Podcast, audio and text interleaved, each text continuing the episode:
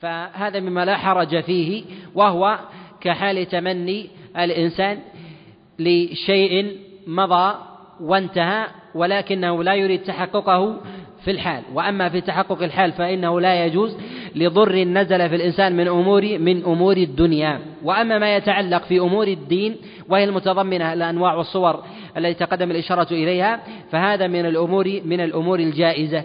وقد أخبر رسول الله صلى الله عليه وسلم كما جاء عنه في الخبر الصحيح وتقدم معنا في في محاضرات إشراط الساعة أن الإنسان يأتي في آخر الزمان فيمر على قبر على قبر فيقول يا ليتني كنت كنت مكانك.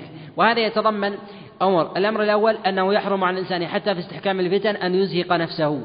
ولهذا النبي عليه الصلاة والسلام أشار إلى أنه في آخر الزمان يأتي الإنسان إلى قبر فيتمنى أنه مكانه ويرجو ذلك ولكن يحول بينه وبين هذا هو قدر الله جل وعلا بالوفاة بدون سبب يتعلق به أو بسبب يفعله الإنسان إما أن يتحسس سما أو يطعن نفسه بحديدة أو برصاص ونحو ذلك فإن هذا من الأمور المحرمة وترك الأسباب لقدر الله سبحانه وتعالى هو مما يليق مما يليق بالعبد بالعبد المؤمن. وهذا فيه إشارة إلى أن حياة العبد المؤمن وبقائه في هذه الدنيا وطول عمره خير من من قصره. وهذا قد جاء رسول الله صلى الله عليه وسلم كما جاء في سنة الترمذي من حديث أنس بن مالك قال خيركم من طال عمره وحسن عمله. ولهذا أفضل الناس في الدنيا يعرفون بعلامات منها هو أن يطول العمر وكذلك يحسن العمل. أي لا يفتن الإنسان ولا يمر بشيء من الفتن والصوارف بل تصرفه تصرفه عن عن دنياه.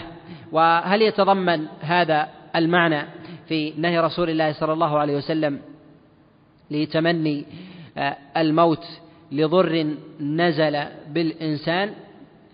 أن يأخذ الإنسان بأسباب عدم الإيجاد ألا يكون سببا في إيجاد مولود خشية ضرر من أضرار الدنيا يعني قبل النزول. وتقدم معنا ما جاء أن الإنسان يسوغ له أن يقول ليتني مت قبل هذا قبل وفاة والدي أو قبل وفاة أمي أو قبل احتراق بيتي أو قبل فقد مالي ونحو ذلك. لكنه لا يتمناه الآن فإذا تمناه الآن نهي عن ذلك.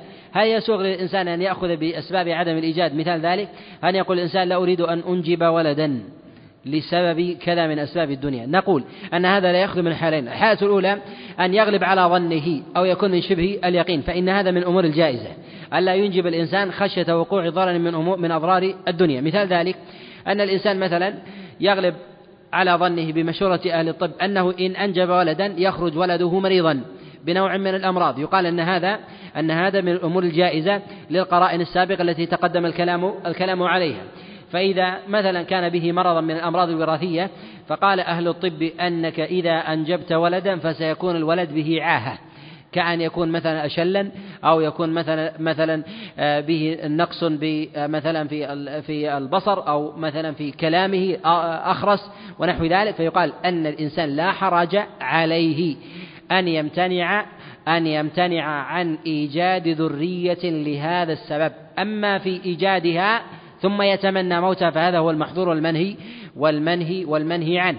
الأمر الثاني في هذا أن يكون الإنسان في حال شك من غير من غير يقين فيقال أنه لا يجوز أن يأخذ بهذه بهذه الأسباب.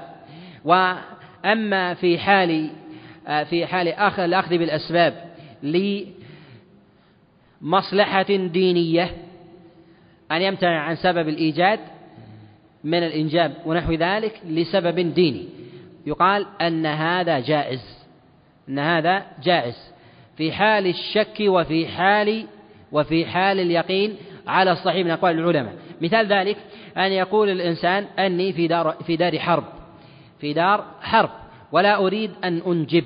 فإني إن أنجبت أخشى أن ينشأ الأبناء على فطرة وملة من هم في هذه البلد من أهل من أهل الكتاب من اليهود والنصارى. نقول أنه لا حرج على الإنسان أن يفعل أن يفعل ذلك. وإن كان هذا في جهة من جهة الظاهر يقال هو معنى خارج عن حديثنا إلا أنه من بل إلا أنه من قرائنه. وذلك أن الشارع حينما نهى عن الموت عن تمني الموت فيه تضمن معنى الحياة. وورود الحياة على الإنسان متعلقاتها هو الحث على الإيجاد والإنجاب والمنع من ذلك له أسباب. والأسباب يتقدم تقدم الإشارة إليها. والإنسان في هذه الدنيا ممنوع من تعريض نفسه للهلاك. وهذا متضمن لهذا الحديث وتقدم الكلام معنا فيه من نهي الإنسان عن قتل نفسه وكذلك إزهاقها وهذا بإجماع العلماء ولا خلاف عند العلماء عند العلماء في هذا. ومن التعدي في الدعاء أن يسأل الإنسان أن يسأل الإنسان الله جل وعلا أن يسلبه الحياة والله جل وعلا يعينه على على العبادة. وجاء في النسائي وكذلك عند الإمام أحمد في الرجل الذي قتل في سبيل الله وهو وله أخ بقي بعده حيا ثم ثم جعل الله جل وعلا الذي قد حي بعده أعلى منزلة منه بما بما أبقاه الله عز وجل من عمر فأكثر من عباده والصلاة وإسناده لا بأس وإسناده لا بأس به.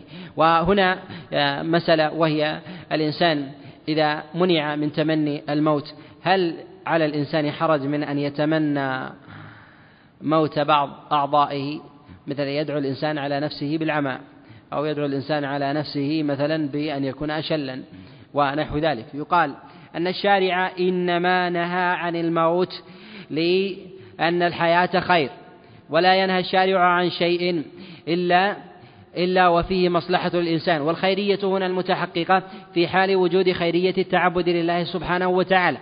وأما إذا إذا دعا الإنسان على نفسه بالعماء أو بالصمم ونحو ذلك فهو نوع من أنواع الموت. وما الإنسان إلا أبضاع. فإذا ذهب بعضه ذهب كله. فالإنسان مثلا إذا ذهب بصره يقال مات البصر. وإذا ذهب سمعه يقال مات سمع الإنسان. وفي كل جزء وعضو من أعضاء الإنسان نوع عبادة يكتسب منها أجرا. فإذا تحقق ذلك المعنى من نهي الله جل وعلا ونهي رسول الله صلى الله عليه وسلم عن تمني الموت فهو ظاهر هنا بصورة أدنى في أن يتمنى الإنسان أن يتمنى الإنسان من الله جل وعلا أن يعميه أو يذهب بصره فيقال أن هذا لا يجوز وهو على التقسيم السابق. في فيما كان من أمور الدنيا فإنه لا يجوز وهذا محرم وأما ما كان من أمور الدين فهو على التقسيم أيضا على النحو السابق. وهنا مسألة وهي آه، ما يرد في كلام الله جل وعلا وفي كلام رسول الله صلى الله عليه وسلم من تمني الموت على سبيل التقييد. يذكر بعض الفقهاء اعتراضا على ما جاء في هذا الحديث من أن الصارف في النهي هنا مثلا ما يأتي في قول الله سبحانه وتعالى قل يا أيها الذين هادوا إن زعمتم أنكم أولياء لله من دون الناس فتمنوا الموت إن كنتم صادقين. في هنا في هذا الموضع آه، أمر الله جل وعلا اليهود وتحداهم إن كانوا هم الأولياء الخلص لله سبحانه وتعالى فليتمنوا الموت. هل هذا يعارض ما في هذا الحديث؟ يقال إن المفسرين آه، قد اتفقوا من السلف على أن المراد في هذا غير هذا المعنى. ولكن المراد أي يا أهل الكتاب إن زعمتم أنكم أولياء لله من دون الناس يعني سائر الخلق من النصارى وكذلك أهل الإسلام وأنه لا حظ لأحد في النجاة إلا من كان على ما أنتم عليه.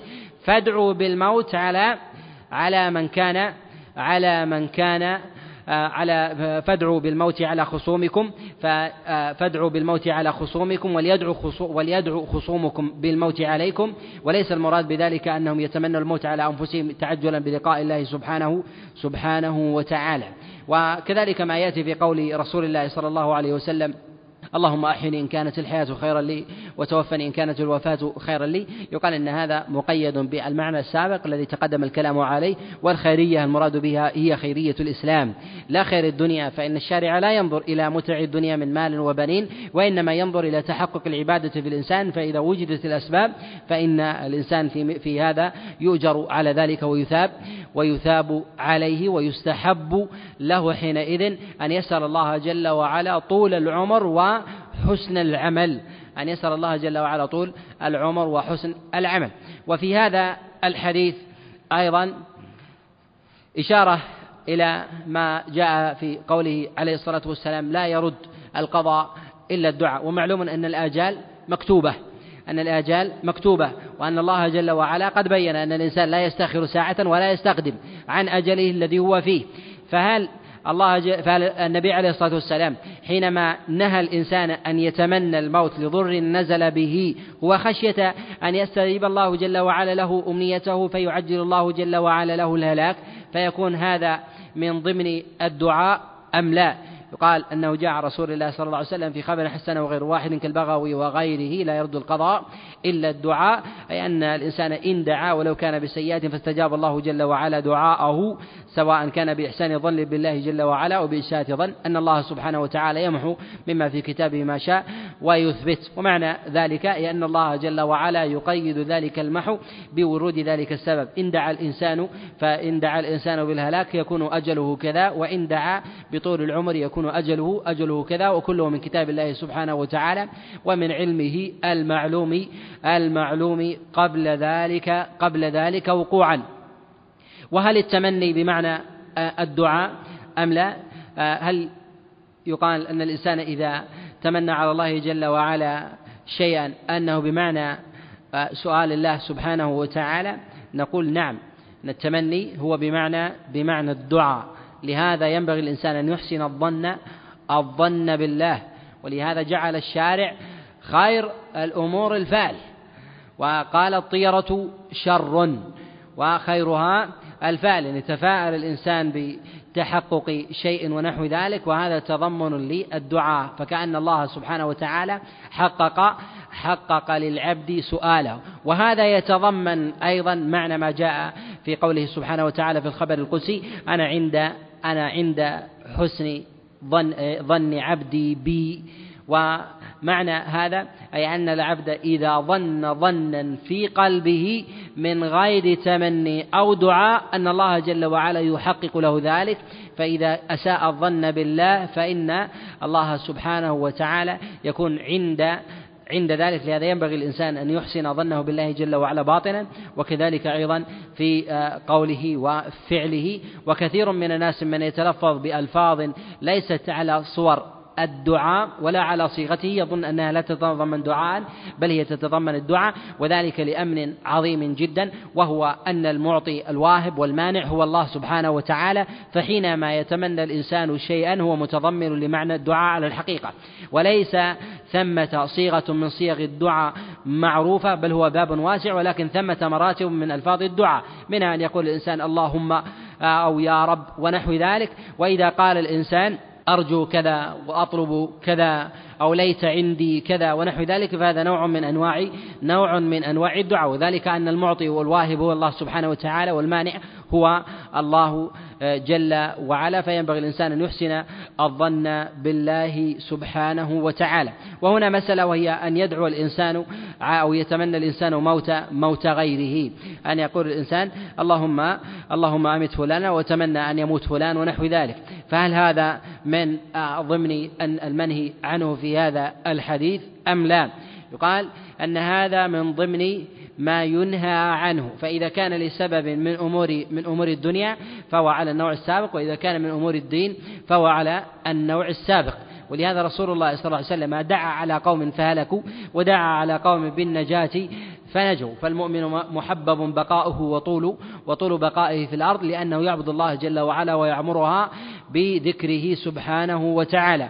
والكافر على على نقيض نقيض ذلك. وهذا مقيد بعدم التعدي بالدعاء ويأتي الكلام على مسألة الدعاء والدعاء على الكفار بالهلكة سواء كان على سبيل العموم أو على سبيل التخصيص على سبيل العموم من كان في الأرض عامة أو على سبيل العموم على طائفة بعينها أن تهلك على بكرة أبيه عن بكرة أبيها وأم أو الدعاء على لقوم بعامة بالهداية جميعا أو الدعاء لأهل الأرض بالهداية جميعا يأتي الكلام عليه بإذن الله تعالى.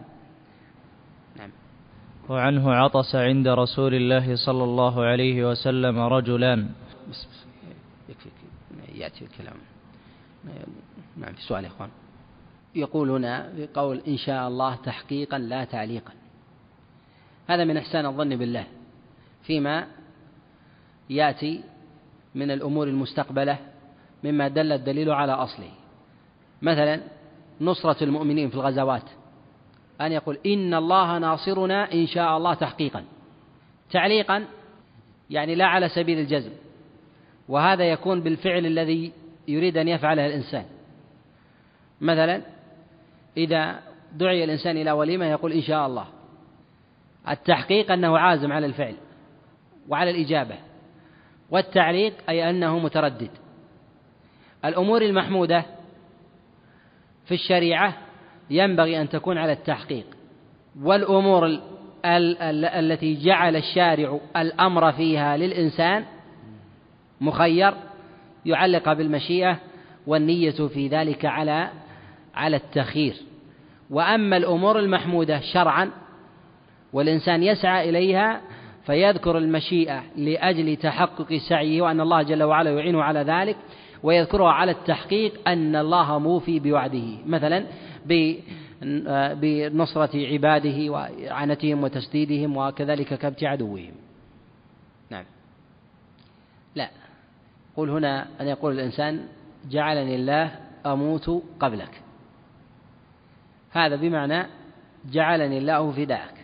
ومعلوم أن الذي يفدي غيره يهلك قبله. ليحيا فلان.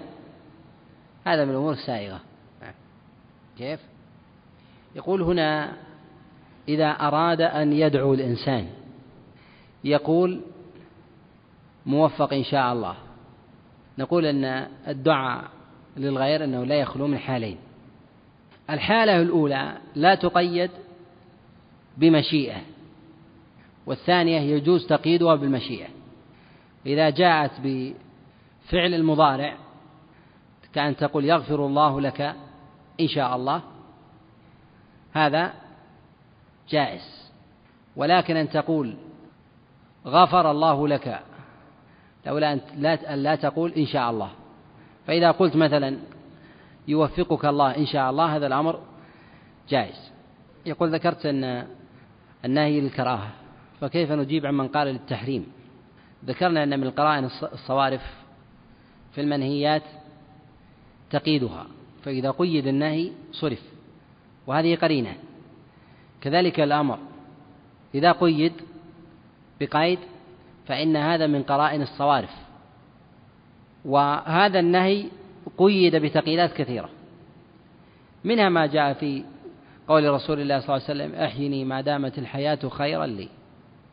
وهذا متضمن للدعاء بالموت ضمنا ولكنه بقيد. وهو أن الحياة لا تكون خير للإنسان. نعم. هذا الحديث لا يصح. لا يصح ولا إشكال ولا معارضة معه في الحديث الحديث الأخرى حديث الباب. نعم. نعم؟ كيف؟ يقول تمني موت الفاسق. الفاسق إذا كان الفسق ملازم له لا يتعدى إلى غيره يدعى له بالهداية ولا يدعى له له بالموت. وأما إذا كان فسقه متعدي إلى غيره فيجوز هذا ويجوز هذا. يعني يجوز أن يدعى عليه بالهلاك ويجوز أن يدعى له أيضا بالهداية. وصلى الله وسلم وبارك على نبينا محمد. وعنه عطس عند رسول الله صلى الله عليه وسلم رجلان فشمت أحدهما ولم يكن يغمض عينيه جبلة من غير إدراك وشعور أنه ربما برزت عينيه أو خرجتا لقوة لقوة ما ما يستدفع من إخراج البلاء من جوفه. وهذا وهذا محتمل ووارد. ويسن للإنسان إذا عطس أن يحمد الله جل وعلا وذلك لظاهر لظاهر أمر رسول الله صلى الله عليه وسلم. وقول الحمد لله بعد العطاس وسنة رسول الله صلى الله عليه وسلم وحكى غير واحد من العلماء أن ذلك سنة وبعض العلماء قال أنه في إعداد الواجب. ونص النووي عليه رحمة الله على أن حمد الله جل وعلا في مثل هذا الموضع من السنة ولا يكون من الواجب.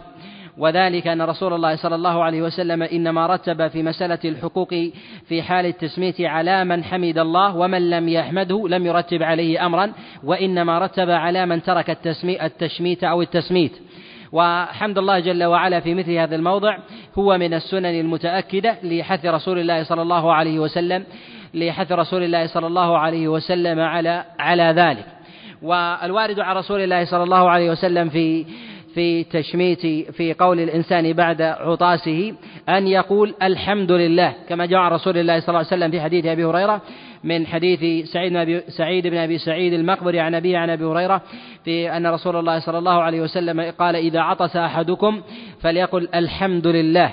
وهذا في قوله عليه الصلاة والسلام الحمد لله في إشارة إلى أن ثابت عن رسول الله صلى الله عليه وسلم قول الحمد لله ولا يزيد ولا يزيد على ذلك. وقد جاء عن بعض السلف من الصحابة وغيرهم قول الحمد لله على الحمد لله على كل حال. وهذا قد جاء عن عبد الله بن عمر عليه رضوان الله تعالى وجاء مرفوعا عن رسول الله صلى الله عليه وسلم في بعض في بعض الروايات كما رواه أبو داود في كتابه السنن من ذات طريق البخاري عليه رحمة الله من حديث أبي صالح عن أبي هريرة عن رسول الله صلى الله عليه وسلم أنه قال قال الحمد لله على على كل حال ولكن هذه الزيادة هي زيادة شاذة.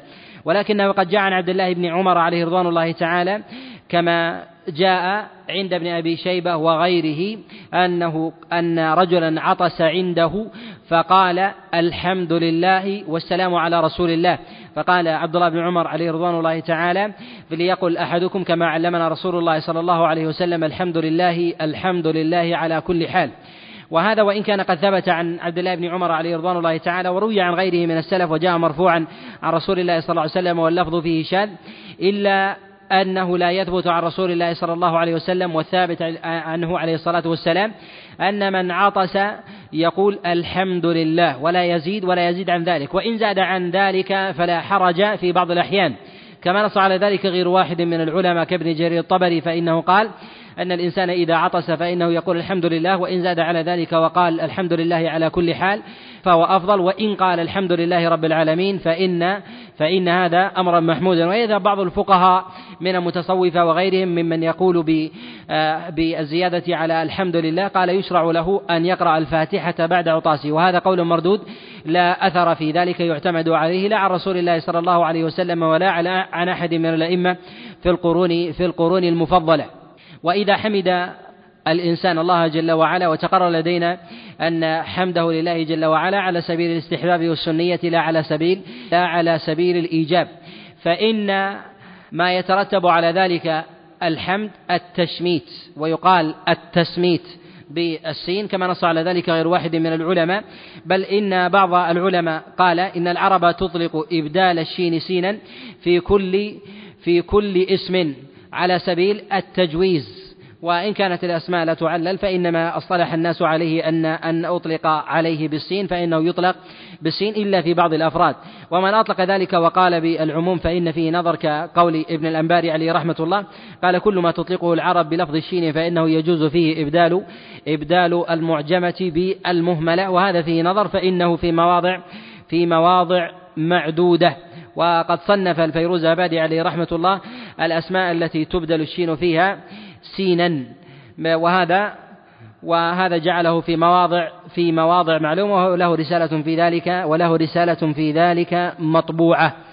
ومطبوع في طبعة قديمة لا أعلم هل أعيد طبعها أم لا وقد طبعت عام 1909 ميلادية في المغرب في المغرب العربي. والتسميت أو التشميت جاء رسول الله صلى الله عليه وسلم التأكيد عليه في جملة من الأخبار جاء من حديث البراء ابن عازب عليه رضوان الله تعالى كما جاء في صحيح الإمام مسلم عليه رحمة الله أن رسول الله صلى الله عليه وسلم قال أن البراء بن عازب عليه رضوان الله تعالى قال أمرنا رسول الله صلى الله عليه وسلم بسبع ونهانا عن سبع وذكر منها قال وتشميت العاطس وجاء عن رسول الله صلى الله عليه وسلم في الصحيح من حديث أبي هريرة أن رسول الله صلى الله عليه وسلم قال حق المسلم على المسلم ست وذكر منها إذا عطس فليشمته. وجاء رسول الله صلى الله عليه وسلم في البخاري أيضا في قوله قال يجب على المسلم للمسلم خمس. وذكر منها قال إذا عطس فليشمت. وأخذ بهذا غير واحد من العلماء بظاهر اللفظ أن التشميت على الوجوب فإن الإنسان إذا سمع رجلا عطس فقال الحمد لله قال فإنه يجب عليه أن يشمته. ولكن التشميت هنا مرتبط ومقيد مقيد بقول الإنسان الحمد لله. وأما إذا لم يقل الإنسان الحمد لله فهل للإنسان أن يقول له يرحمك الله أم لا؟ نقول أنه قد ثبت في صحيح مسلم من حديث أبي موسى الأشعري أن رسول الله صلى الله عليه وسلم قال إذا عطس الرجل فقال الحمد لله فشمته وإذا لم يقل الحمد لله فلا تشمته. وهذا الحديث قد جاء في صحيح الإمام مسلم عليه رحمة الله وفيه قصة قد جاء من حديث أبي بردة أن أبا موسى عليه رضوان الله تعالى كان في بيت ابنة الفضل. فعطس أبو بردة عليه رضوان الله تعالى فلم يشمته أبو موسى فعطست ابنة الفضل فشمتها. فذهب أبو بردة إلى أمه فقال إني عطست عند أبي فلم يشمتني وعطست عنده فلانة فشمتها. فقالت ذهبت إليه عليه زوجة بموسى عليه رضوان الله تعالى تريد التحقيق. فقالت عطس عندك ابني فلا تشمت وعطست عندك امرأة فشمتها. فقال أبو موسى عليه رضوان الله تعالى إن ابنك لم يحمد الله ولكنها قد حمدت حمدت الله فشمتها وقد سمعت رسول الله صلى الله عليه وسلم يقول من عطس فحمد الله فشمتوه ومن عطس ومن لم يحمد الله فلا تشمتوه. ولهذا قد نص غير واحد من العلماء على أن الإنسان إذا عطس ولم يحمد الله أنه يكره تشميته إلا في حالة واحدة قد ورد فيها أثر في هذا وهي أن الإنسان إذا عطس عنده رجل وشك في فيه هل حمد الله أم لا أو كان بعيدا عنه هل يشمت أم لا.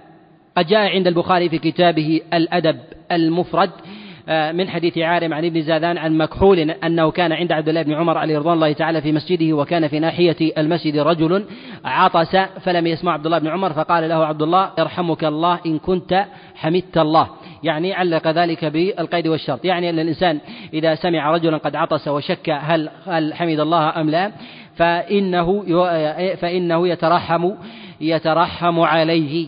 وهذا لظاهر النص عن عبد الله بن عمر عليه رضوان الله تعالى في فيه ومثل هذه الأحكام من القرائن التي يؤخذ بها لأن مردها في الأغلب هو هو التعبد. وإن كان في مثل هذا يكون من جهة الحكم هو من الموقوف على عبد الله بن عمر عليه رضوان الله تعالى ولا يقال أن له حكم حكم الرفع. أما إذا تيقن الإنسان أن الإنسان لم يحمد الله وكان بجواره ويرى تحرك شفتيه ولم يحمد الله فإنه لا يشرع له أن يقول إلا في حالة واحدة أخرى وهي إذا أراد إذا أراد أن يستنطقه بالسنة. قد جعل الأوزاعي عليه رحمة الله أن كما رواه البغوي وغيره أنه عطس عنده رجل فلم يحمد الله. فقال ماذا تقول إذا عطست؟ فقال أقول الحمد لله. قال يرحمك الله. يعني يريد أن يخرج ما لديه من السنة ثم ثم يدعو له. وهذا وهذا من الحكمة في العلم وهذا أيضا من التعليم. وقد جاء عن إبراهيم النخعي وغيره أنه كان يعلم أنه كان يعلم غيره ممن ترك آه، الحمد له فيذكره بها وبالسنة ثم بعد ذلك يعلمه إياه. أما من تركها عمدا فإنه يقال له فإنه لا يقال له يرحمك يرحمك الله. وتشميت العاطس إذا تيقن الإنسان أنه قال الحمد لله أولا قد اختلف العلماء في إيجاب ذلك. هل هو على الإيجاب والاستحباب؟ اختلف العلماء في هذه المسألة على على قولين. ذهب جمهور العلماء على أن هذه المسألة من مسائل من مسائل الوجوب لجملة من النصوص والقرائن في هذا. منها ما جاء عن رسول الله صلى الله عليه وسلم في حديث البراء بن عازب كما جاء كما جاء عند الإمام مسلم في حديث البراء قال أمرنا رسول الله صلى الله عليه وسلم بسبع ونهانا عن سبع. وجاء أيضا في حديث أبي هريرة عليه رضوان الله تعالى في الصحيح في قوله حق المسلم على المسلم ست. وجاء في حديث أبي هريرة في البخاري باحد آه، رواياته قال يجب على المسلم للمسلم خمس وذكر منها إذا عطس فشمته. قالوا وهذا ظاهر. وما لا إلى هذا غير واحد من السلف. ثبت هذا عن سعيد بن جبير. كما رواه ابن السني في كتاب عمل اليوم والليلة قال إذا عطس عندك رجل فلم تشمته فهو دين تقضيه إياه يوم يوم القيامة يعني أنه يجب عليك. ومال إلى الوجوب هذا أبو داود السجستاني كما نقله عنه ابن عبد البر عليه رحمة الله فإنه قال أن رجلا قد عطس وكان أبو داود عليه رحمة الله صاحب السنن في سفينة والرجل على الشاطئ فلم فلم يستطع إسماعه فاستأجر استأجر قاربا يوصله إياه بدرهم فذهب إليه وقال يرحمك الله ثم عاد إليه. وهذا وهذا لا يتصور إلا ممن يقول بي ممن يقول بالوجوب ويريد أن يرفع أن يرفع الكلفة عن نفسه في مخالفة ظاهر أمر رسول الله صلى الله عليه وسلم. وذهب إلى الوجوب جماعة ممن نص على الوجوب بالإطلاق كما جاء الإمام مالك عليه رحمة الله وقال به أبو بكر بن العربي وهو ظاهر قول الإمام أحمد عليه رحمة الله وجماعة من الفقهاء. واختلف من قال بالوجوب هل هو على وجوب الأعيان أم على فروض الكفاية؟ بمعنى أنه يجب على الإنسان بعينه في من سمع الرجل أن يقول الحمد لله يجب على كل من سمع ذلك أن يقول يرحمك الله ولو كثر العدد. ذهب غير واحد من العلماء أنه على وجوب الأعيان وهذا مروي عن الإمام مالك عليه رحمة الله وقال به جماعة من الفقهاء من المالكية كأبي بكر بن العربي وغيره.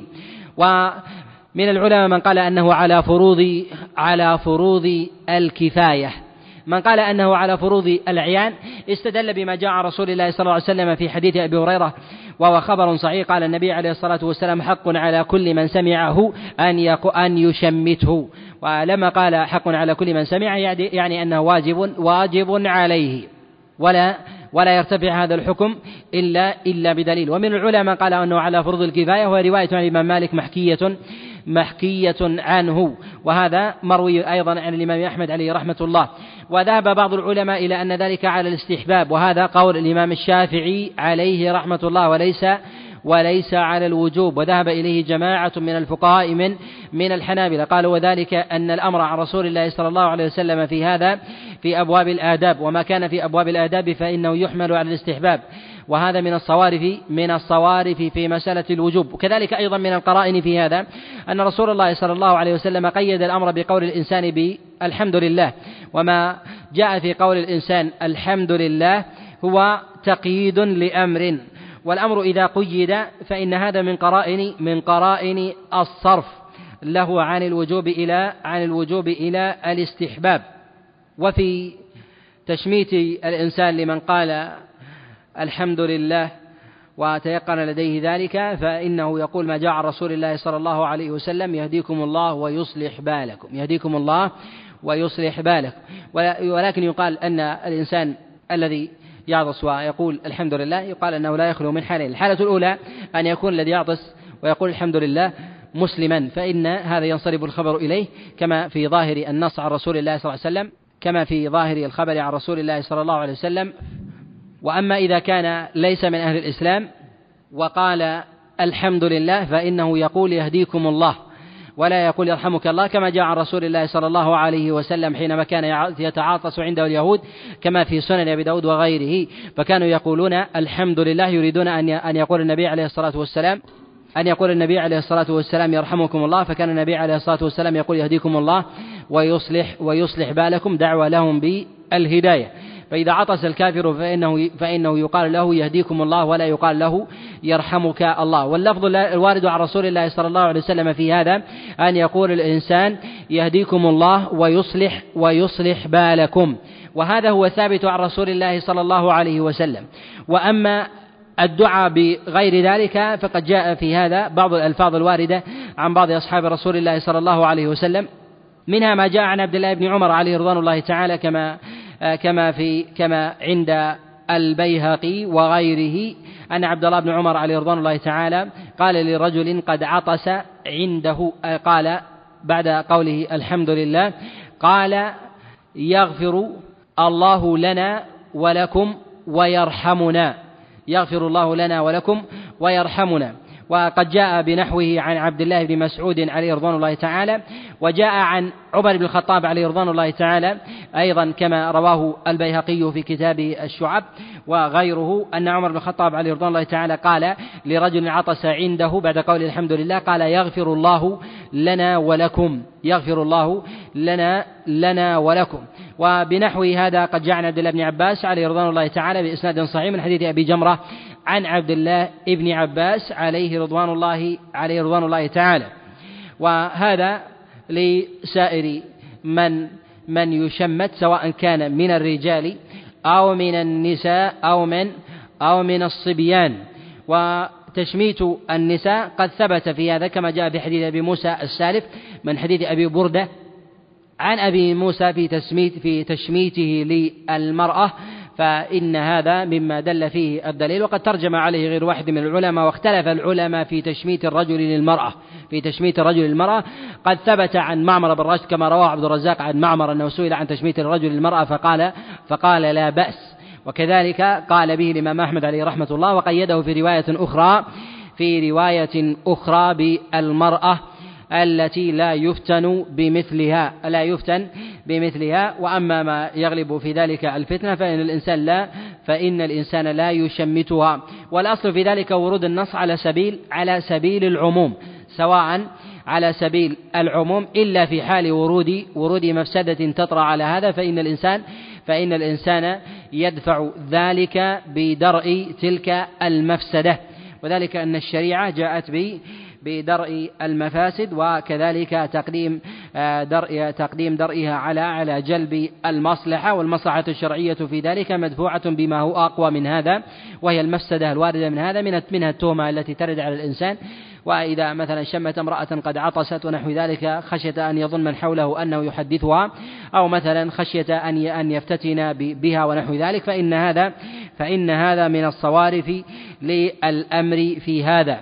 والإنسان يحمد الله سواء سواء كان في صلاة أو في غير أو في غير صلاة. وأما في الصلاة فقد جاء في حديث معاذ ابن رفاعة عن أبيه كما جاء في في سنن الترمذي في لما صلى خلف رسول الله صلى الله عليه وسلم قال فعطست فقلت الحمد لله حمدا كثيرا طيبا مباركا فيه كما يحب ربنا ويرضى. فلما قضى رسول الله صلى الله عليه وسلم قال من قائل كذا فقلت أنا. قال وما قلت؟ قال قلت الحمد لله حمدا كثيرا طيبا مباركا كما يحب ربنا ويرضى. فقال النبي عليه الصلاة والسلام والذي نفسي بيده لقد ابتدرها بضعة وثلاثون من الملائكة.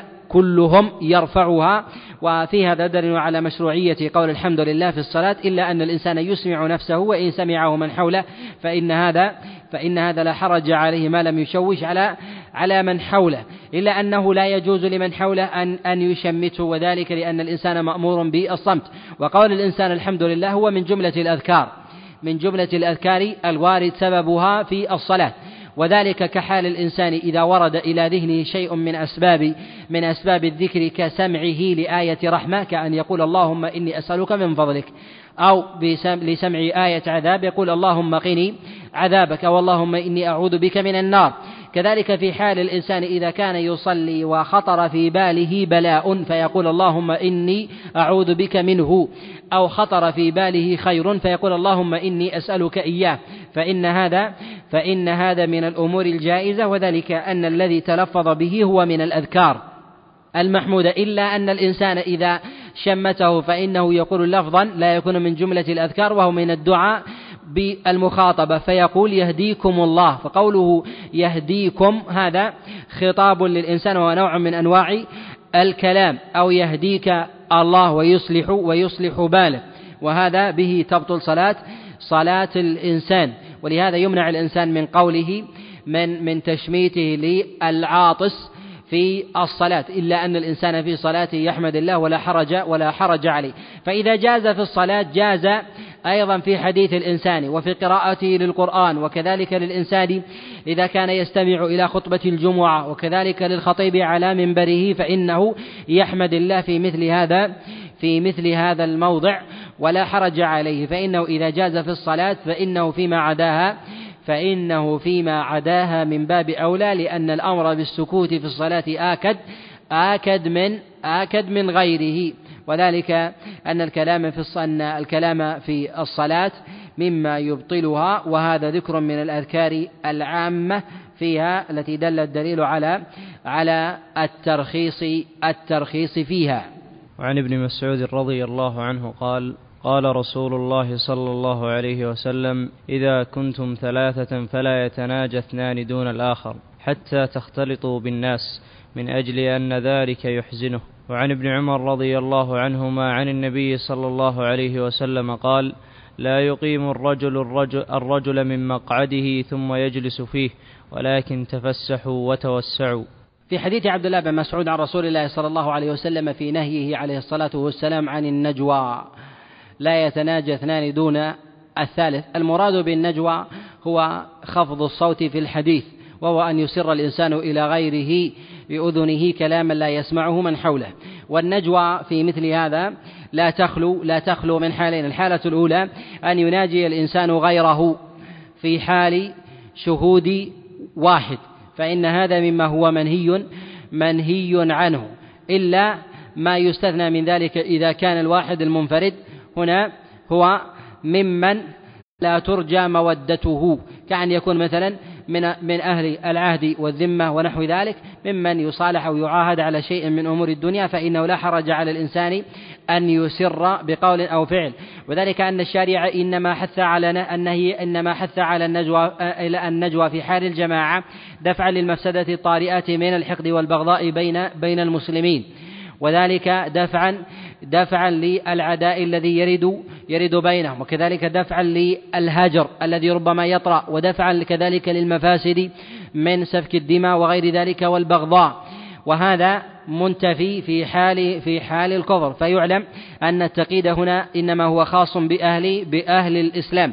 الحالة الثانية أن يتناجى الإنسان مع غيره ويوجد في مع هذا مع هذا جماعة. وفي هذا نص بعدم بعدم النهي إلا في حال ورود المفسدة السابقة في حال الجماعة فإن الحكم يشترك. والدليل على هذا أن النبي عليه الصلاة والسلام إنما نهى أن يتناجى اثنان في حال وجود الثالث خشية أن يقع في نفس الثالث شيء أنه يتحدث يتحدث يتحدث عنه. وأما إذا وجد الجماعة وتحدث اثنان فإذا غلب على الظن أن الجماعة مقصودون بالحديث فإن المفسدة واحدة ويشمل ذلك النهي. وهذا كحال مثلا إذا إذا كان مثلا الاثنين يتحدثون عن هؤلاء الجماعة ومعلوم أن الأمر قد انعقد لأجلهم ونحو ذلك فإذا تسار الاثنان هنا بالحديث علم أن النهي هنا أو الحديث أو النجوى منصرفة إليهم فإنه يقال بالكراهة لورود العلة التي جاءت في في النهي عن تناجي الاثنين دون الثالث.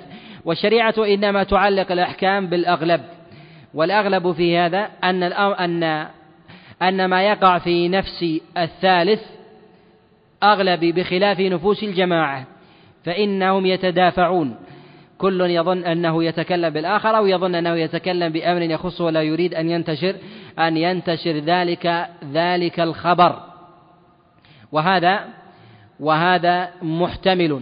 وهذا الحكم في هذا عام سواء كانت النجوى لرجل لرجلين والثالث امرأة أو لامرأتين والثالث رجل أو لرجل وصبي والثالث رجل لعموم النص عن رسول الله صلى الله عليه وسلم. وفي هذا إشارة إلى إلى حكمة الإسلام ودفع الأسباب الموجبة أو المتسببة بالبغضاء والشحناء والحقد وحرص الإسلام على تأليف القلوب والسعي إلى تحقيق أسبابها والتواصل بين أهل الإسلام. ولهذا حث رسول الله صلى الله عليه وسلم على الأخذ بأسبابها وتجنب وتجنب أسباب القطيعة والحقد. ولهذا رسول الله صلى الله عليه وسلم نهى عن أسباب التباغض. فقال عليه الصلاة والسلام لا تباغضوا ولا تحاسدوا يعني لا تأخذوا بأسباب بأسباب البغضاء والحسد. ولهذا لا حرج على الإنسان في حال الفتيا والقول أن يقيس جملة من الأسباب المتسببة بالبغضاء بين الناس أن يقول بكراهتها لعموم النص عن رسول الله صلى الله عليه وسلم لعموم النص عن رسول الله صلى الله عليه وسلم في ذلك. وهل يدخل في ذلك تحدث الاثنين بلغة لا يفهمها الثالث؟ يقال أن هذا لا يخلو من حالين. الحالة الأولى إذا غلب على نص على فهم الإنسان أن الثالث لا يفهم ذلك تلك اللغة فإنه يقال بالكراهة وأن ذلك كحال النجوى لاشتراك العلة. وأما إذا غلب على ظنه أنه يفهمها فإذا تحدث بلغة وقدر أن الثالث لا يفهمها فإن الإثم يرفع عن الإنسان ولا يدخل هذا. وذلك أن رسول الله صلى الله عليه وسلم إنما نهى عن التناجي الاثنين لورود العلة وهي عدم معرفة الثالث بالحديث الدائر بينهم. وعدم معرفة الإنسان يكون هذا بلغة لا يفهمها ويشترك في ذلك حكما أيضا الإشارة إذا تكلم الإنسان بإشارة لا يفهمها الإنسان. إذا كان يشاهدها إذا كان يشاهد تلك الإشارة فإنه يمنع. وأما إذا كان لا يشاهدها فيشير الإنسان بإشارة لا يفهمها والإشارة تلك جائزة ليس فيها خيانة ونحو ذلك فإنه لا حرج على الإنسان لا حرج على الإنسان أن أن يفعلها. وفي هذا وفي هذا أيضا سعي الإنسان إلى كسب مودة الناس وكذلك حبهم وعدم التعرض لأسباب البلاء وكذلك الفرقة بين المسلمين. والخروج من ذلك إذا احتاج الإنسان إذا احتاج الإنسان إلى كلام أن يسر به إلى غيره مع وجود الثالث إما أن ينتظر الجماعة كما في إرشاد رسول الله صلى الله عليه وسلم وإما أن يستأذن الثالث فيقول بيني وبينه كلاما في بيع أو في شراء ونحو ذلك فلتأذن لنا فلتأذن لنا إما أن يغادرهم أو يأذن لهم بالإصرار. وهذا فيه دفع للمفسد. كذلك أيضا قد يقال أن الشريعة جاءت باستحباب باستحباب إعلان الكلام وعدم الإصرار فإن الإصرار بالقول هي مما يدفع الإنسان إلى نزول الكلام وعدم علوه. فإن الإنسان إذا علم أنه لا يسمع أحد ربما ينزل في عبارته ويتجوز في اللفظ الدني. بخلاف إذا سمعه غيره ومن تعود أن يسر ويخفض صوته في القول فإنه يتعود أن يجري على لسانه من من دني القول مما مما لم يكن يعتاد. وإذا اعتاد الجار بالقول وإسماع الغير فإنه لا يجري على لسانه في في حال حاجته لخفض الصوت إلا إلا الجليل من القول البعيد عن الفحشاء والبغضاء. وفي الحديث الآخر في نهي رسول الله صلى الله عليه وسلم أن يقيم أو في نهي رسول الله صلى الله عليه وسلم أن يقيم الإنسان من مكانه. أولا من آداب المجالس أن الإنسان إذا جلس في مجلس وبعد أن قدم أن قدم إلى مجلس أن يجلس حيث ينتهي به المجلس. كذلك ألا يفرق بين بين اثنين. إلا بإذنهما وذلك إذا وجد فرجة بين الصف ومحله أن يقف حيث ينتهي به الصف فإذا جلس بين اثنين لفرجة ألا يفرق بينهما وذلك دفعا لمفسدة وهي أنه ربما جلس عند بعضهما للحديث أو لقرب بينهما أو لحاجة يريدان أن يقضياها من صفقة بيع أو نكاح ونحو ذلك فيفسد الإنسان ما بينهما فيشرع الإنسان أن يستأذن أن يستأذن في ذلك. ويخرج من هذا أن يقيم الإنسان من مقعد قد قعد فيه قبل ذلك ثم عاد إليه والفاصل بينها يسير. فإذا انصرف عن فإذا انصرف عن مجلسه ذلك ورجع إليه فإنه أولى به وإن جلس به غيره. وهذا قد جاء فيه خبر عن رسول الله صلى الله عليه وسلم كما جاء في حديث أبي هريرة عن رسول الله صلى الله عليه وسلم قال إذا إذا قام أحدكم من مقعده وجلس فيه غيره فهو أحق فهو أحق به. يعني أحق به من غيره وله أن يقوم. وإذا أمره أن يقوم منه وجب عليه أن يقوم من مكانه ذلك لأنه أحق به. ويخرج من هذا الإنسان الذي جلس في هذا الموضع في زمن قد طال كأن يكون قد جلس به بالأمس أو جلس به قبل ساعة ونحو ذلك فإنه ليس ليس بأولى به.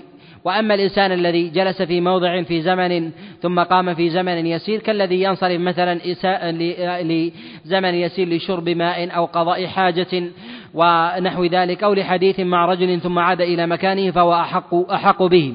وهذا يشمل المساجد ويشمل مجالس الناس على سبيل العموم. والدليل على ذلك ما رواه ابن جريج عن نافع عن عبد الله بن عمر عليه رضوان الله تعالى أنه أن نافعا سئل قال ذلك في الجمعة وفي غيرها قال في الجمعة وفي غيره يعني في حال اجتماع الناس في المساجد أو في غيرها فالحكم في ذلك على السواء أن الإنسان لا يقيم غيره إلا إذا كان قد جلس في ذلك المجلس ثم قام منه ثم رجع إليه في زمن في زمن يسير. وفي هذا دلالة بالتضمين أن الإنسان ينهى ينهى عن توطين موضع على الدوام ينفصل بينه وبين جلسته الأولى زمن زمن طويل. وينهى عن ذلك. ويستثنى من ذلك حالة وهي إذا كان الإنسان أولى بهذا المجلس بالنص عن رسول الله صلى الله عليه وسلم كأن يكون الشارع قد خصه بهذا بهذا المكان.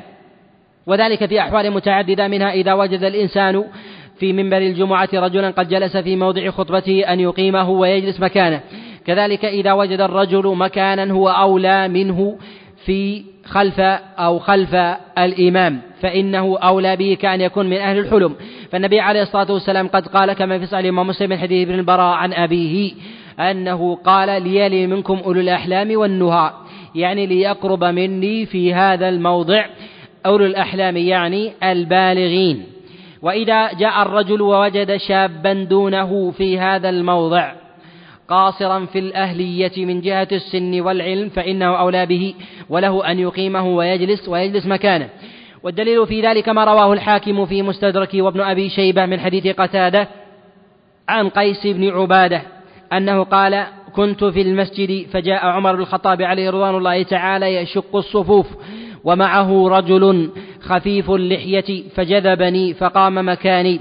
قال فوجدت في نفسي فلما انصرف فلما قضيت الصلاة التفت إلي فقال لا يسوءك ولا تجد في نفسك فإني سمعت رسول الله صلى الله عليه وسلم يقول الأنصار والمهاجرون هم أملؤون الناس بهذا.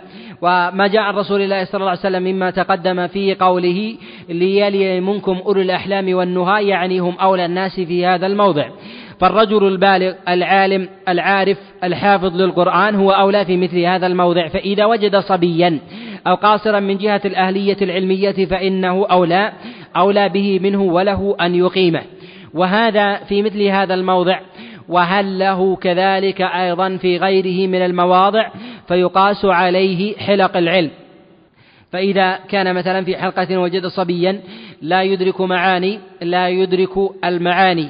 نقول أن هذا يقدر بقدره إلا أنه يخرج عن معنى عن معنى الصلاة.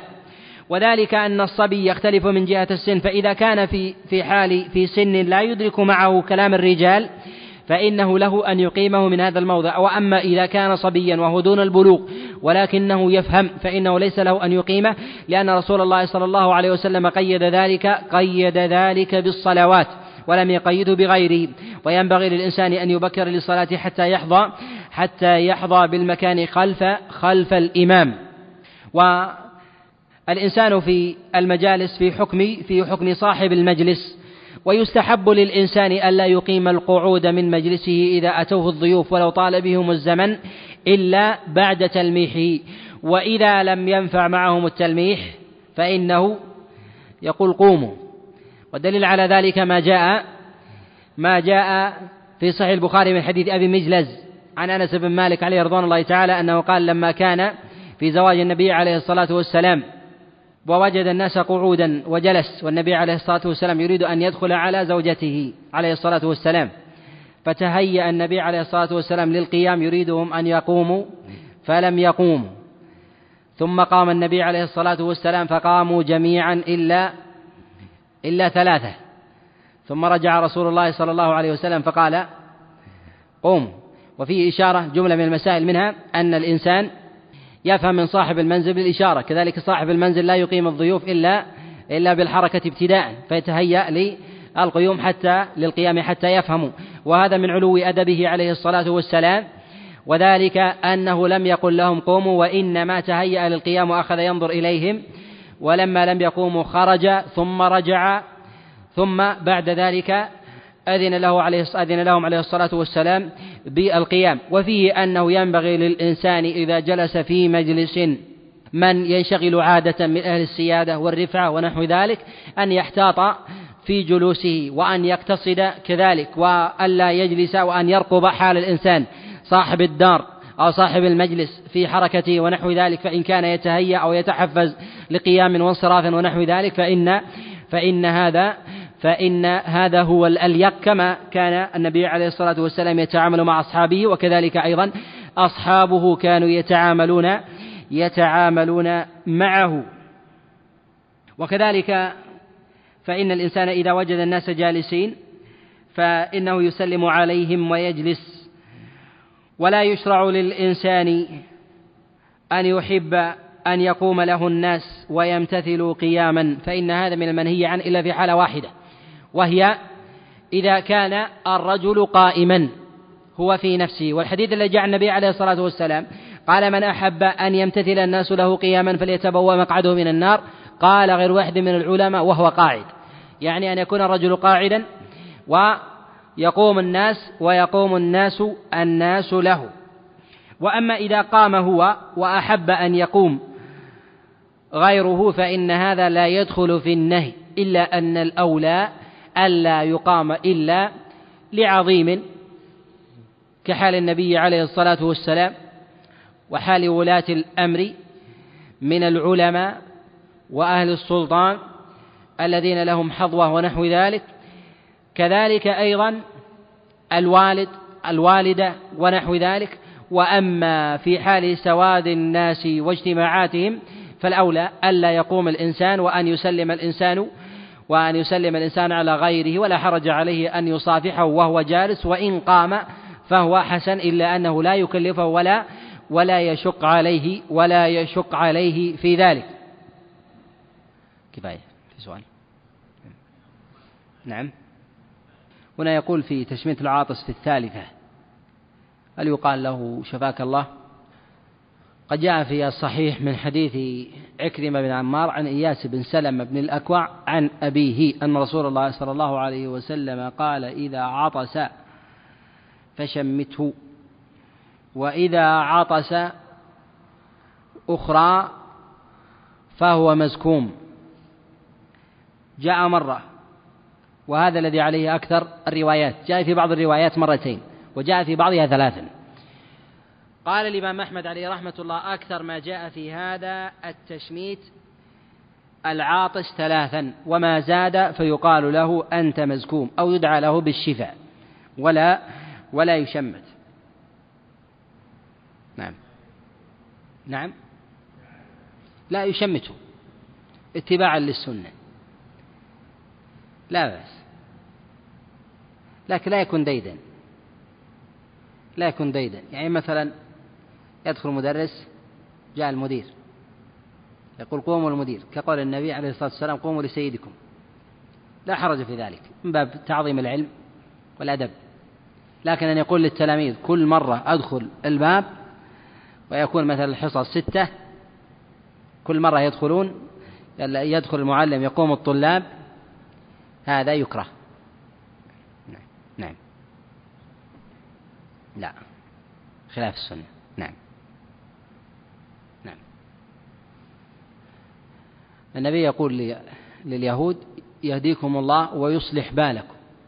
الدعاء لهم بالهداية وصلاح البال بعد الهداية وتعقبها وهي عدم ضيق النفس بالحق.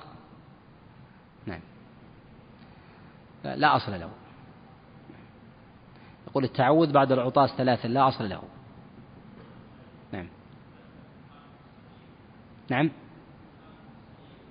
كيف؟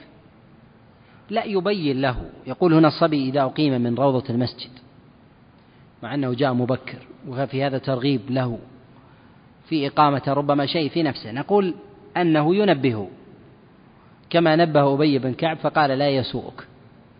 وهذا من تطيب النفس. أن النبي عليه الصلاة والسلام قال هذا في هذا ربط له وتعليم له بالحكم الشرعي وكذلك تطيب لخاطره. أني لم أقيمك من هذا المكان تنقصا لقدرك ولكن هذه هي السنة سنة النبي عليه الصلاة والسلام. نعم؟ بالمبادرة. وليس فيه دلالة صريحة في قوله عليه الصلاة والسلام ليلي منكم أولو الأحلام والنهى. ليس فيه دلالة صريحة بإقامة الصبي. لكن لما ثبت عن أبي بن كعب أبي بن كعب من أئمة القراء ومن المقربين للنبي عليه الصلاة والسلام في مدارسة القرآن وإمام الصحابة في في خلافة عمر. ومن أعلم الناس عادة في أمثال هذه المسائل. يبعد أن يصنع شيئا إلا وهو قد فهم من النبي عليه الصلاة والسلام هذا الفهم. لا نقول أنه الدلالة قطعية في ذلك لكن هي هي هي راجحة على عدم إقامة الصبي. يقول قاعدة الأوامر في الآداب هل هي مضطردة؟ أنها على الاستحباب؟ نقول شبه مضطردة. شبه مضطردة. وهي قول الأئمة الأربعة في كثير من المسائل. ونص عليها الشافعي عليه رحمة الله في كتاب الأم في قوله في آخر كتاب الأم قال باب النهي للأدب. وأورد فيه جملة من المسائل. وكذلك النووي عليه رحمة الله وهذا ظاهر في كثير من ترجيحات الإمام أحمد ومالك والشافعي وأبي حنيفة في كثير من المسائل المتعلقة بالنهي للأدب خلافا للظاهرية. نقول أن الأصل في النهي للأدب إلا لقرينة. إلا إلا لقرينة. ولهذا مثلا إذا جاء في القرينة مثلا وصف الشيطان. أن هذا من فعل الشيطان ونحو ذلك. قد يقال بأن هذا قرينة من قرائن أن يكون النهي للتحريم. نص على هذا شيخ الإسلام ابن تيمية عليه رحمة الله في منهاج السنة عند حديث أبي بكر الصديق عليه رضوان الله تعالى. قال لما صلى أبو بكر بالصحابة عليهم رضوان الله تعالى لما تأخر النبي عليه الصلاة والسلام وكبر الصحابة فالتفت أبو بكر فقال له النبي عليه الصلاة والسلام هكذا أي مكانك.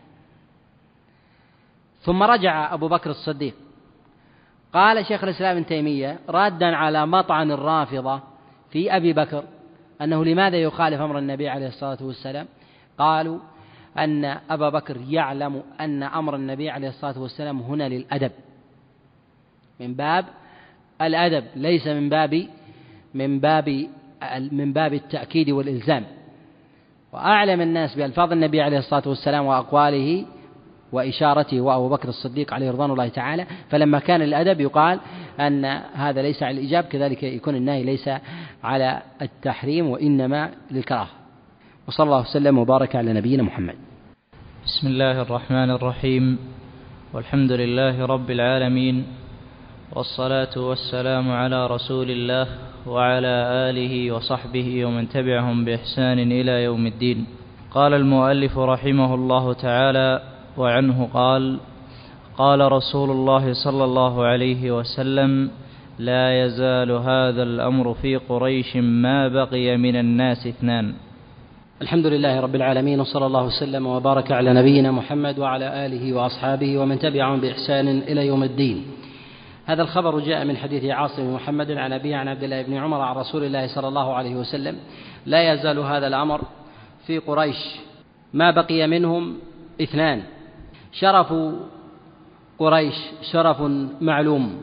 وذلك أن رسول الله صلى الله عليه وسلم اختصه الله عز وجل من سائر العرب بقريش. وقريش هم أبناء فهر بن مالك بن كنانة وكل من تفرع ورجع نسبه إلى فهر بن مالك بن كنانة فهو فهو قرشي. ورسول الله صلى الله عليه وسلم هو خير قريش عليه الصلاة والسلام. ولهذه وهذه أفضل مزية امتازت بها قريش على سائر العرب فضلا فضلا عن غيرهم من من العجم. ولهذا جعل الله جل وعلا القرآن الكريم في غالب في غالب لفظه أنه على على لفظ قريش. ولهذا جعله الله جل وعلا شرفا لقريش.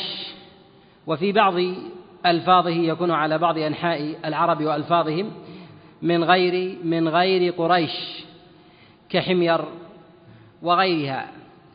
ولهذا قال الله جل وعلا إنه لذكر لك ولقومك.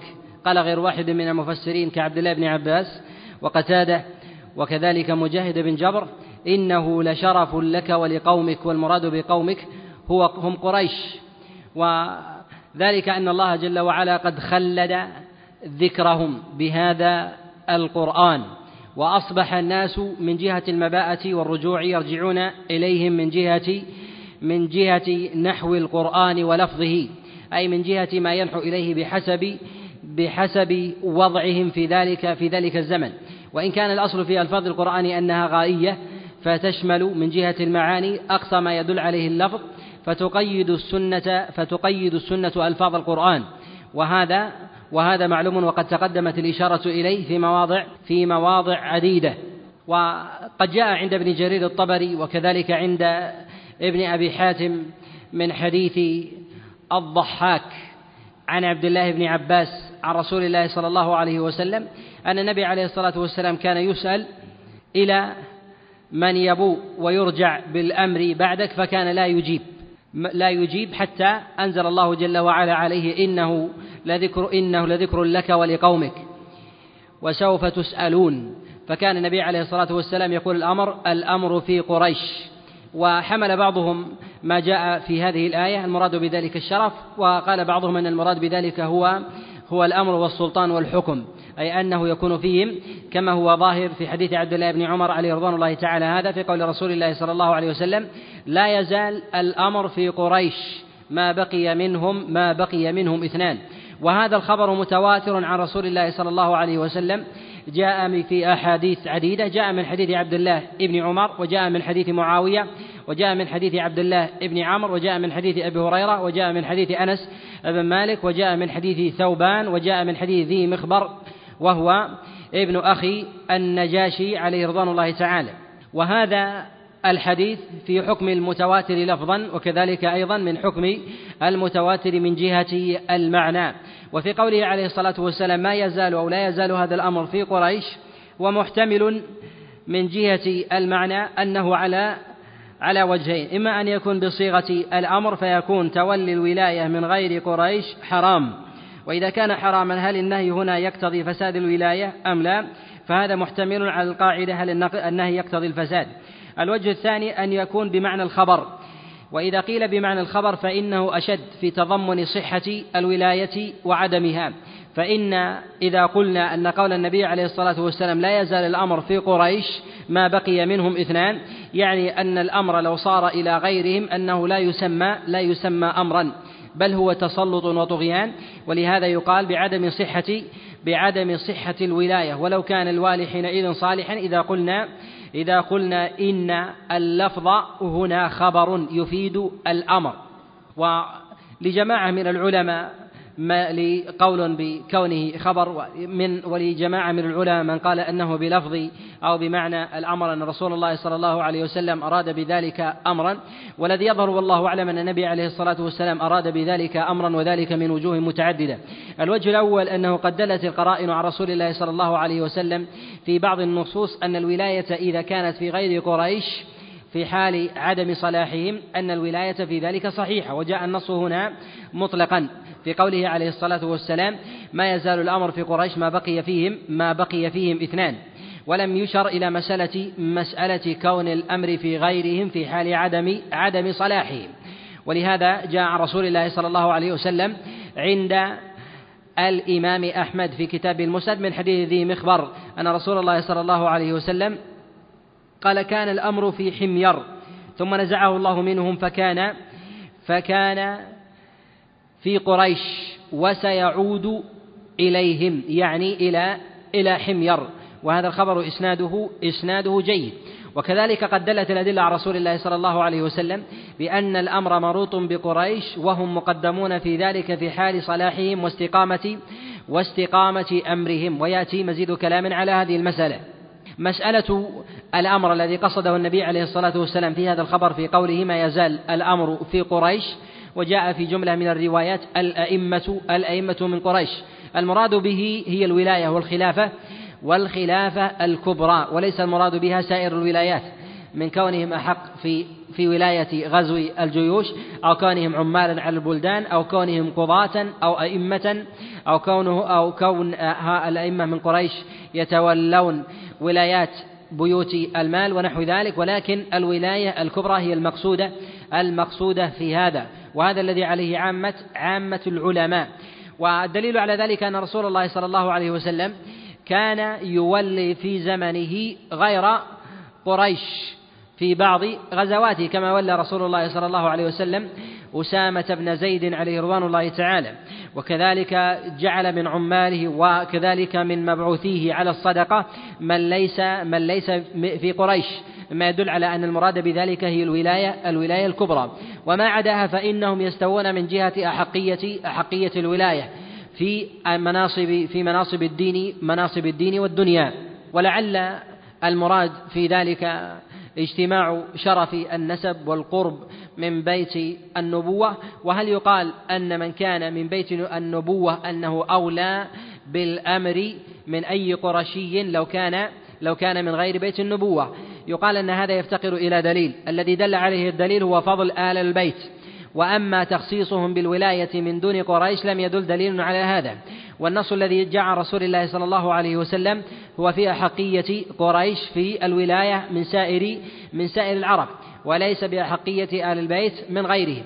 وهذا المعنى هو الذي عليه العمل.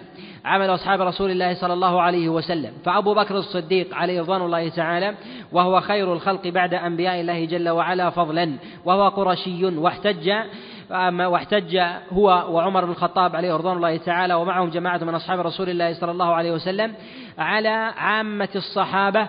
بما جاء رسول الله صلى الله عليه وسلم في قوله ما يزال الأمر في قريش على أحقية القرشيين على سبيل العموم.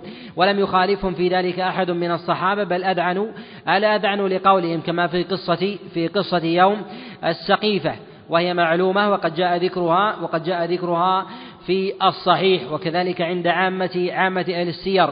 لما خالف الأنصار الولاية بوضع الولاية لأبي بكر وإن الأمر إنما يكون في المهاجرين والأنصار فنزع ذلك الخلاف وفتيله بما جاء عن رسول الله صلى الله عليه وسلم فيما نقله أبو بكر الصديق عن رسول الله صلى الله عليه وسلم أن الأمر أن الأمر في قريش لا يؤخذ لا يؤخذ منهم. وهذا محل إجماع عند العلماء. ولم يخالف في ذلك في هذا الأمر في الولاية الكبرى أن غير القرشي أولى بغيره من غيره إلا إلا الخوارج وطائفة من أهل البدع.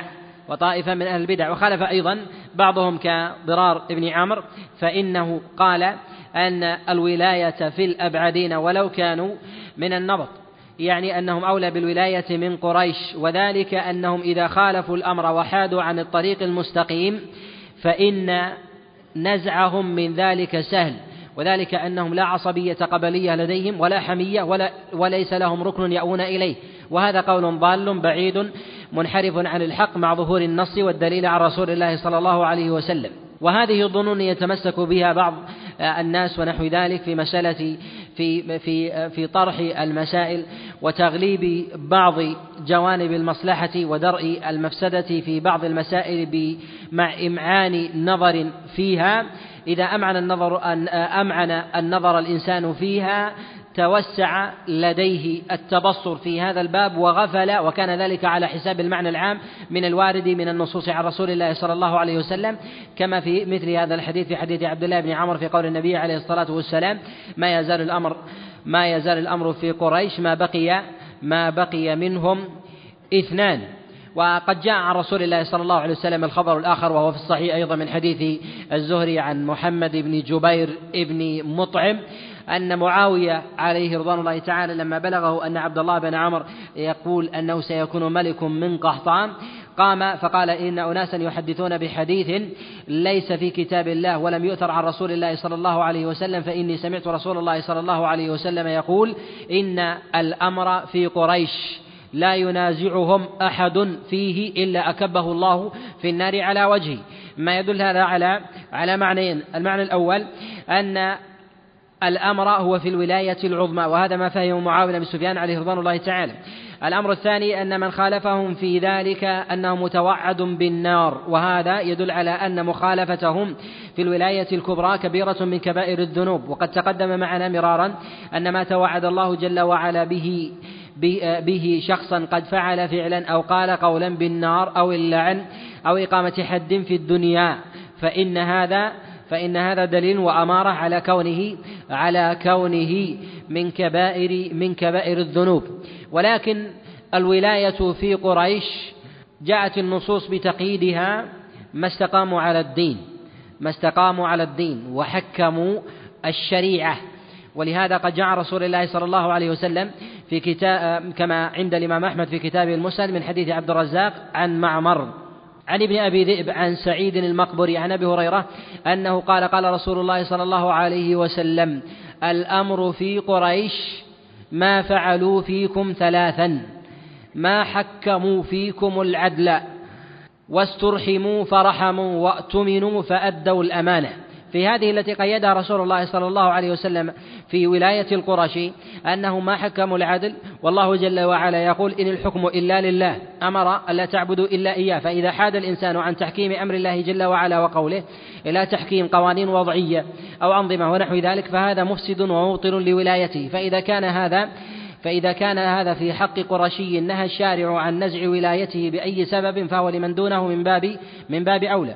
كذلك أيضا في قوله عليه الصلاة والسلام وهي القيد الثاني وإذا اؤتمنوا أدوا الأمانة. وأعظم أمانة في ذلك هي الأمانة التي أناطهم الله جل وعلا بها وأظهرهم من ذلك وأظهر ذلك هو إقامة التوحيد.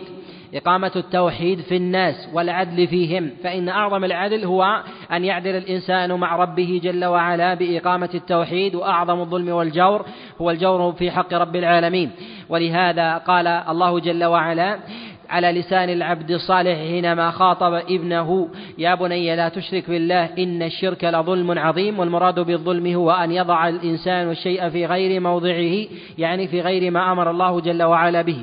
ولكن حد الظلم والأمانة التي يؤديها الإنسان في حق ولايته. قد دل الدليل فيها إلى أنهم ما أقاموا الصلاة كما جاء عن رسول الله صلى الله عليه وسلم. وهذا تفصيل وتفسير لمسألة لمسألة الأمانة التي يجب على ولاة الأمر أن يؤدوها أن يؤدوها للمسلمين. ولهذا قال النبي عليه الصلاة والسلام لما استؤذن في قتالهم قال لا ما لا ما صلوا أو لا ما أدوا فيكم الصلاة أو ما لم تروا كفرا بواحا. وقد دل الدليل على جملة من الأفعال أن فاعلها كافر وكذلك جملة من الأقوال أن قائلها كافر. والأمر يعلق يعلق بظواهر الأمور. ومرد, ومرد ذلك مسألة إسقاط الولاية وعدمها إلى أهل العلم والمعرفة. وينبغي في حال النظر لأمثال هذه المسائل أن ينظر الناس إلى إلى تقرير هذه المسألة من جهة التقرير الشرعي وأن ينظروا كذلك إلى مسألة الموازنة في أبواب المصالح والمفاسد فإنه قد يتولى على المسلمين رجل قد تحقق فيه الكفر والبغي والخروج عليه يكون من البغي والعدوان مع كونه مشروعا في ذاته. وذلك لورود مفسدة تطرأ تطرأ على الفاعلين أو على مجتمعات المسلمين فيعد ذلك الفعل فيعد ذلك الفعل حراما. ومعلوم أنه ما كل ما أمر به يفعله الإنسان فقد تكون ثمة مفسدة ينهى عن إتيانها بفعل ذلك المأمور فتغلب فيغلب ذلك النهي. فضلا عن أن النبي عليه الصلاة والسلام إنما قيد ذلك في مسألة الاستحقاق بالسمع والطاعة من عدمها مع وجوب إقامة التوحيد في الناس والدعوة إليه من الرعاة أن يبينوا الحق للناس وأن هذا أمر خارج وزائد عن مسألة عن مسألة استحقاق الولاية. والأمر الثالث في قوله عليه الصلاة والسلام ما استرحموا فرحموا. أي أنهم يطلبون أو يطلب منهم الرحمة بالناس من غير بغي وعدوان. وهذا معنى عام يقيد بالقيود السابقة. وهذه القيود الثلاثة هل هي المراد بذلك أنها تكون مجتمعة أم واحد منها كاف في إزالة في إزالة الحق. بل يقال أنه لا بد من توفر هذه هذه الأمور الثلاثة.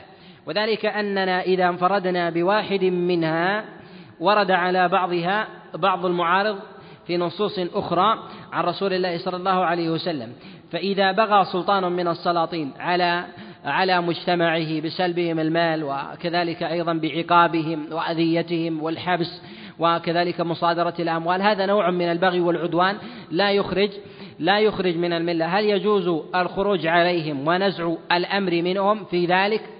أم لا لهذا الأمر؟ نقول هذا هذا يعارضه نص جاء عن رسول الله صلى الله عليه وسلم ما يدل على أن ليس المراد هنا ليس المراد هنا هو انفراد انفراد ورود أحد هذه الثلاثة بالنقض وإنما المراد بها مجتمعة وأن يكون بعضها علامة علامة على ورود على ورود الآخر.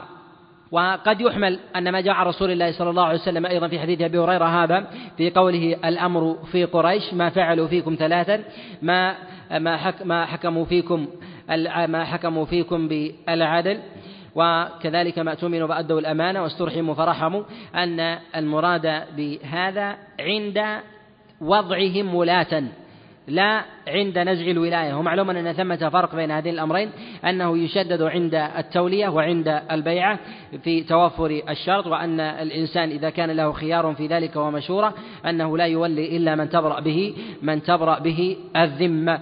ممن يقيم ممن يقيم حكم الله ويؤدي الأمانة وإذا استرحم فرحم أما مسألة إذا إذا كان ثمة ولاية لا يكون فيها رأي فإن هذا له حكم له حكم آخر. وما جاء كذلك ما جاء في جملة من الأحاديث عن رسول الله صلى الله عليه وسلم في بيان أنهم إن لم يفعلوا هذه الأشياء أن لهم عقاب لقريش في مخالفتهم لأمر رسول الله صلى الله عليه وسلم.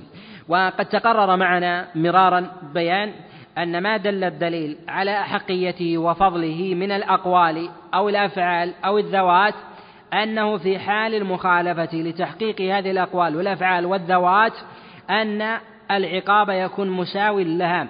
ولهذا حينما بين رسول الله صلى الله عليه وسلم كما في حديث معاوية في الصحيح أن من نازعهم ذلك الأمر أكبه الله في النار على وجهه. وهذا في حال المنازعة لكن في حال عدم تطبيقهم لحكم الله جل وعلا وعدم إقامتهم للدين فثمة عقاب متوعدون به وهو أن عليهم لعنة الله. كما جاء عن النبي عليه الصلاة والسلام في حديث أبي هريرة من حديث المقبور أيضا عن أبي هريرة أن رسول الله صلى الله عليه وسلم قال كما جاء عند الطبراني قال فإن لم يفعلوا فعليهم فعليهم لعنة الله يعني إن لم يفعلوا هذه هذه الثلاثة. و وهذا أيضا قد جاء عن رسول الله صلى الله عليه وسلم في خبر آخر كما جاء عند الإمام أحمد في كتابه المسلم من حديث عبيد الله بن عبد الله بن عتبة بن مسعود عن عم أبيه عبد الله بن مسعود عليه رضوان الله تعالى أن رسول الله صلى الله عليه وسلم قال يا أهل الأمر يعني قريش إن الأمر إن الأمر فيكم ما أقمتم ما أقمتم الدين. فإذا لم تقيموا بعث الله عليكم من يلحاكم كما يلحى القضيب يعني يسومكم سوء سوء العذاب.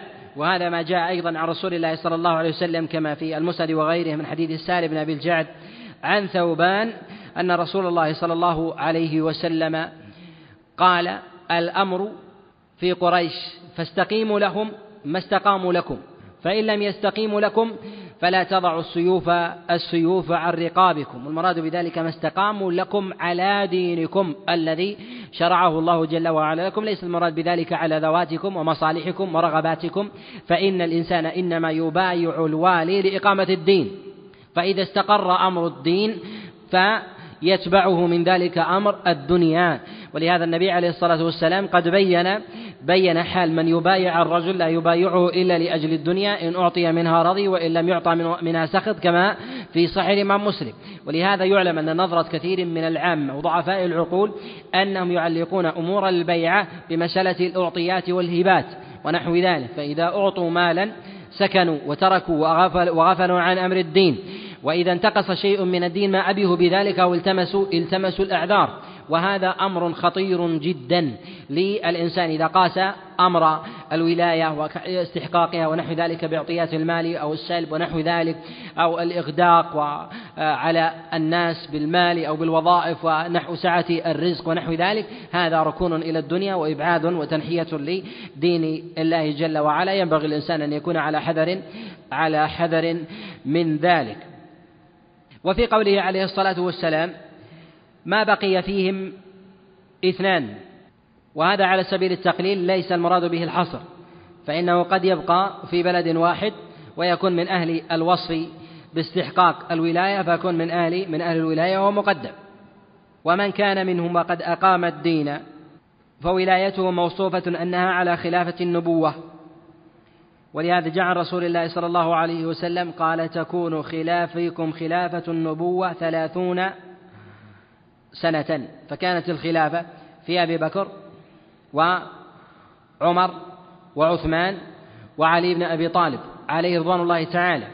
وهذا دليل على أن الإنسان ينبغي أن يعلق الأخبار الواردة عن رسول الله صلى الله عليه وسلم أو يعلق الأمور التي تنزل بالأمة بنصوص الشريعة وأن يرجعها إليها. ولا يجعل الحوادث هي تصير تصير نص الشرع كما يفعله كثير كثير ممن يغلب النظر بالأمور المحسوسة سواء من الأزمنة أو الأمكنة أو غير أو غير ذلك.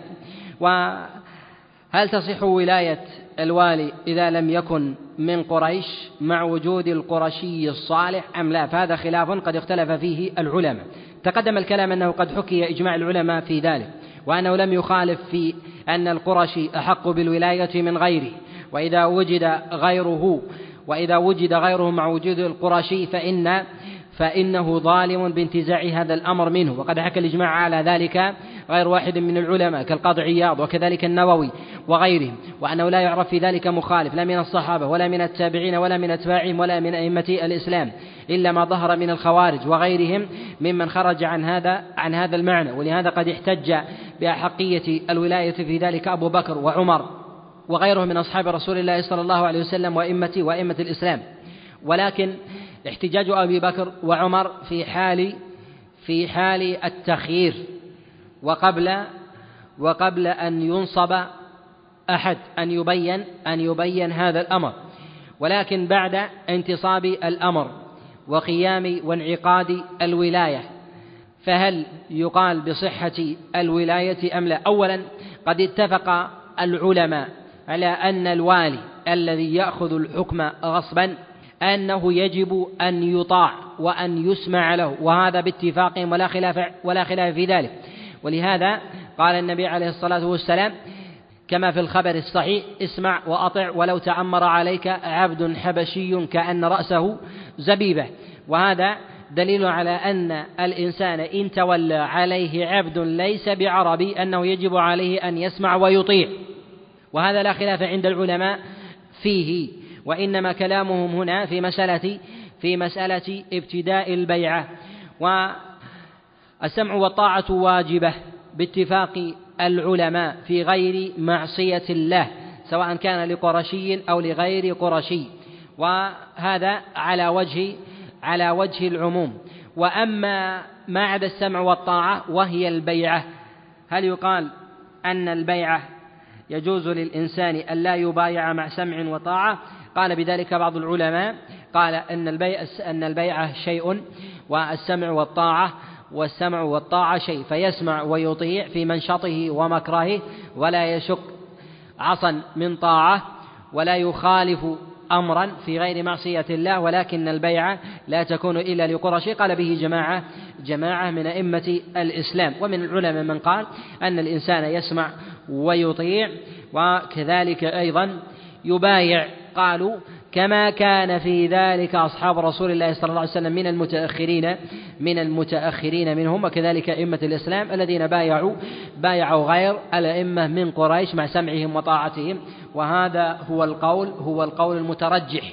وأما عند ورود عند ورود تعيين الوالي ووجود القرشي مع عدمه وصلاحية القرشي والتخيير للإنسان من غير مفسدة أنه لا يجوز له أن يبايع غير القرشي مع وجود مع وجود القرش.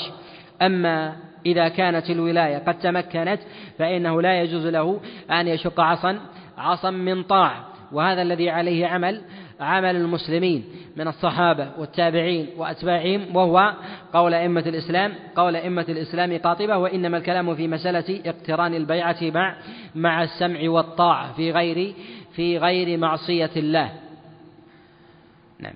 وعن الحسن قال عاد عبيد عاد عبيد الله بن زياد مع معقل بن يسار في مرضه الذي في مرضه الذي مات فيه فقال معقل فقال معقل إني محدثك حديثا سمعته من رسول الله صلى الله عليه وسلم يقول ما من عبد يسترعيه الله رعية يموت يوم يموت وهو غاش لرعيته إلا حرم الله عليه الجنة. هذا الحديث في الصحيحين وهو مبين لأهمية أهمية العناية بالرعية ورحمتهم وعدم الإضرار بهم. وكذلك إقامة العدل فيهم فإن العدل في دنيا الناس لا يمكن أن يتحقق على وجه الكمال إلا إلا بإقامة دين الله سبحانه وتعالى. وفي قول رسول الله صلى الله عليه وسلم ما من راع يسترعيه الله رعية. وهذا على سبيل العموم كانت ولاية كبرى أو ولاية صغرى لعموم ذلك.